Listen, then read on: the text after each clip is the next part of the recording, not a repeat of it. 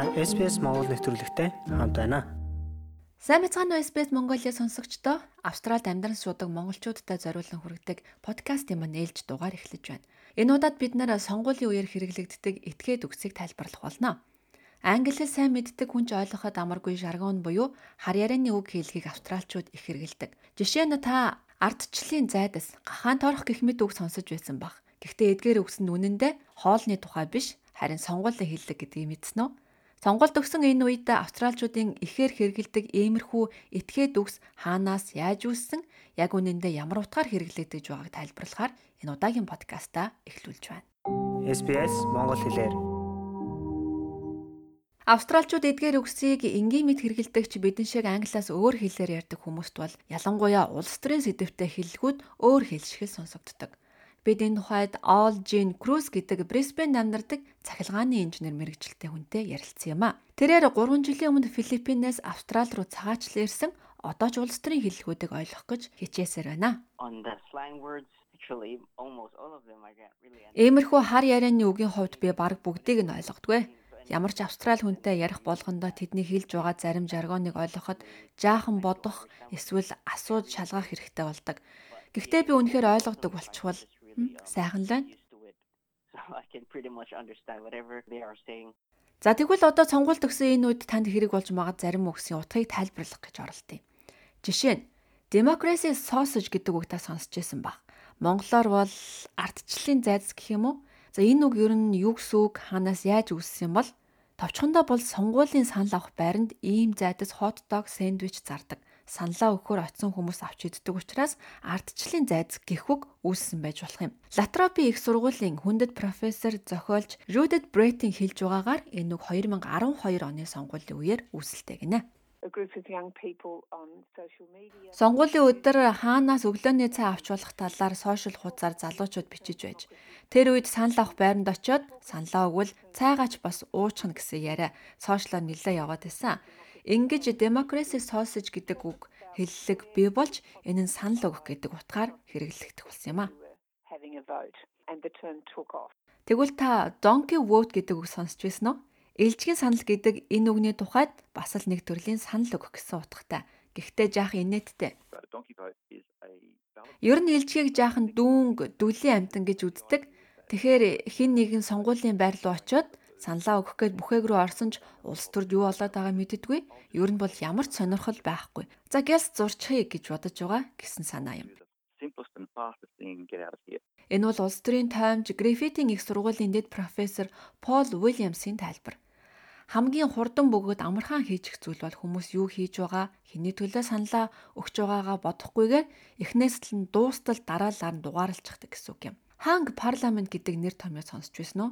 Энэ нэр томьёо нь парламентод аль ч нам нийт олонхын судал аваагүй тул аль ч нам дангаараа засгийн газрыг байгуулж чадахгүй парламентыг хэлдэг юм байна. Ингээд нэгэнт олонх болж чадаагүй намууд бусад нам бидаагч нэр дэвшигчдийн дэмжлэгийг авахыг хичээдэг. Та Скот Моррисон, Антони Албанес хоёр on the hosting гэдэг үг сонсож байсан бах. Хостинг гэдэг үг нь Английн парламентод хэрэглэгддэг үг. Үүнийг австралчууд авчирч нутагшуулаад хэрэглэдэг юм байна. Гол утга нь бол за сонгуулийн кампанид ажиллаа хийж байгааг илэрхийлж байгаа юм байна. Австралийн үндэсний тоол бичгийн хүрээлэнгийн захирал Аманда Лагвес нь хэлэхдээ сонгуулийн үеэр хэрэглэгддэг хэл нь янз бүрийн нөхцөл байдлаас үүсэлтэй байдаг гинэ. Нэг талаас манай сонгуулийн системтэй холбоотой шинэ үг хэллэгүүд ч үүсдэг. Сонгуулийн дээд хэсэг, Шугамын доод хэсэг, дээд хэсэг гихчлэн Австралид байдаг өвөрмөц сонгуулийн тогтолцоотой холбоотой үг хэллэгч бий. За ямар ч байсан бидний улс төрийн нөхцөл байдалд нөлөөлөх зүйлс байдаг. Энэ сонгуульд ковидын нөлөөлөл үүний үргэлжилсэн үр дагавар тухайлбал эдийн засаг, аюулгүй байдлын эргэн тойрондох зүйлс, хэлийн менежмент зэрэг эргэн тойронд нь байгаа зүйл Австралийн сонгуульд нөлөөлөхөр байна it can be it can be quite a powerful term. Эндээс та шугамын дээд доод тал гэж юу ярьж байгааг ойлгосноо? Энэ бол парламентын дээд танхим сонгох саналын хуудсанд байх шугамын тухай юм. Шугамын дээгүүр санал өгөх нь та зөвхөн нэг цаг дугаарлах хэрэгтэй болно. Гэхдээ таны энэ санал тухайн намыг сонгосон бөгөөд яг ямар нэр дэвшигчд очиж байгаа нь тодорхойгүй юм. Харин шугамын дагуур санал өгөх бол та хамгийн багадаа 5 цаг дугаарлах ёстой. Ингэснээр та хэн саналаа өгч байгаагаа мэдэж болно. Доктор Аманда Лигусийн хэлж байгаагаар Австралийн үндэсний тойл бичгийн төвийн ажиглаж байгаа бас нэг хэллэг бол I don't hold a horse. Монголоор бол би хоолойг нь барьдаггүй гэх юм уу? За хоолой гэдэг нь гал унтраах, ус цацдаг хоолойг нь хэлж байгаа юм байна. Та санаж байгаа бол 2019 онд Австралид болсон их ойн төмрийн үеэр ерөнхий сайд Скот Моррисон Хавайд аялаж байсан нь олонний хил амыг их дагуулсан. Тэр үед буцаж ирээд би хоолойг нь барьдаггүй гих энэ алдарт үгээ хэлсэн юм аа. Тэр бол шууд ойн төмөртэй тэмцдэг хүн биш гэдэг утгаар энэ үгийг хэлсэн юм аа. Гэвч дараа нь энэ үг түүний эсрэг ашиглагдах болсон. Дараа нь I don't hold the horse гэдэг үгийн цаад утга нь бусад хүмүүс эсвэл бусад хүчин зүйл шууд хариуцлага хүлээдэггүй гэдэг утгаар хэрэглэгдэх болжээ. Тэгвэл одоо гахаан торох гэдэг үгийг ямар утгаар хэрэгэлдэг тухайд тайлбарлая. Энэ маш сонирхолтой. Макери толь бичигт тайлбарласнаар бол улс төрийн дэмжлэг авахын тулд засгийн газрын мөнгийг ашиглан хариу барих гэж бичжээ. Жишээгээр тайлбарлая.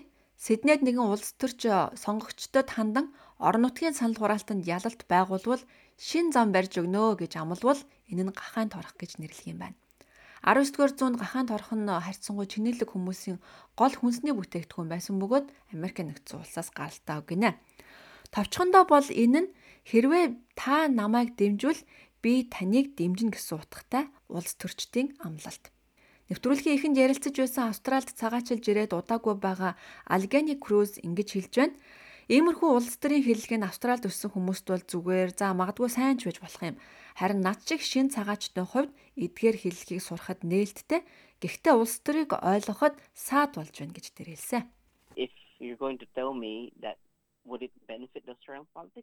Хэрвээ та надаас иймэрхүү үг хэллэг Австралийн улс төрд ашигтай юу гэж асуувал би үгүй л гэж хариулна. Яагад гэвэл Австрали бол өөрөө өөр өөр улсаас ирсэн олон үндэстэн холилдон амьдардаг улс. Уг нь цагаачд олноороо ирж саналаа өгөх тусам сайн. Гэвч тэд хүнд санал өгөх, хүнд санал өгөхгүй байхаа ч мэдэхгүй байна. Тэгэхээр энэ нь ирээдүйд сөрөг нөлөө үзүүлж болно. Магадгүй одоо биш ч. За гэхдээ жил ахих тусам асуудал гарч магадгүй юм then yeah there might be have a problem. Ийхүү Австралийн сонгуультай холбоотой мэдлэг мэдээлэл хүргэх ээлжит нэвтрүүлэг маань үгээр өндөрлөж байна. Дашрам дуртагт 2016 оны Австралийн хүн амын тооллогоор энд амьдардаг монголчуудын 12% нь санал өгөх эрхтэй буюу албан ёсны иргэншилтэй байдаг гэсэн мэдээлэл байна лээ.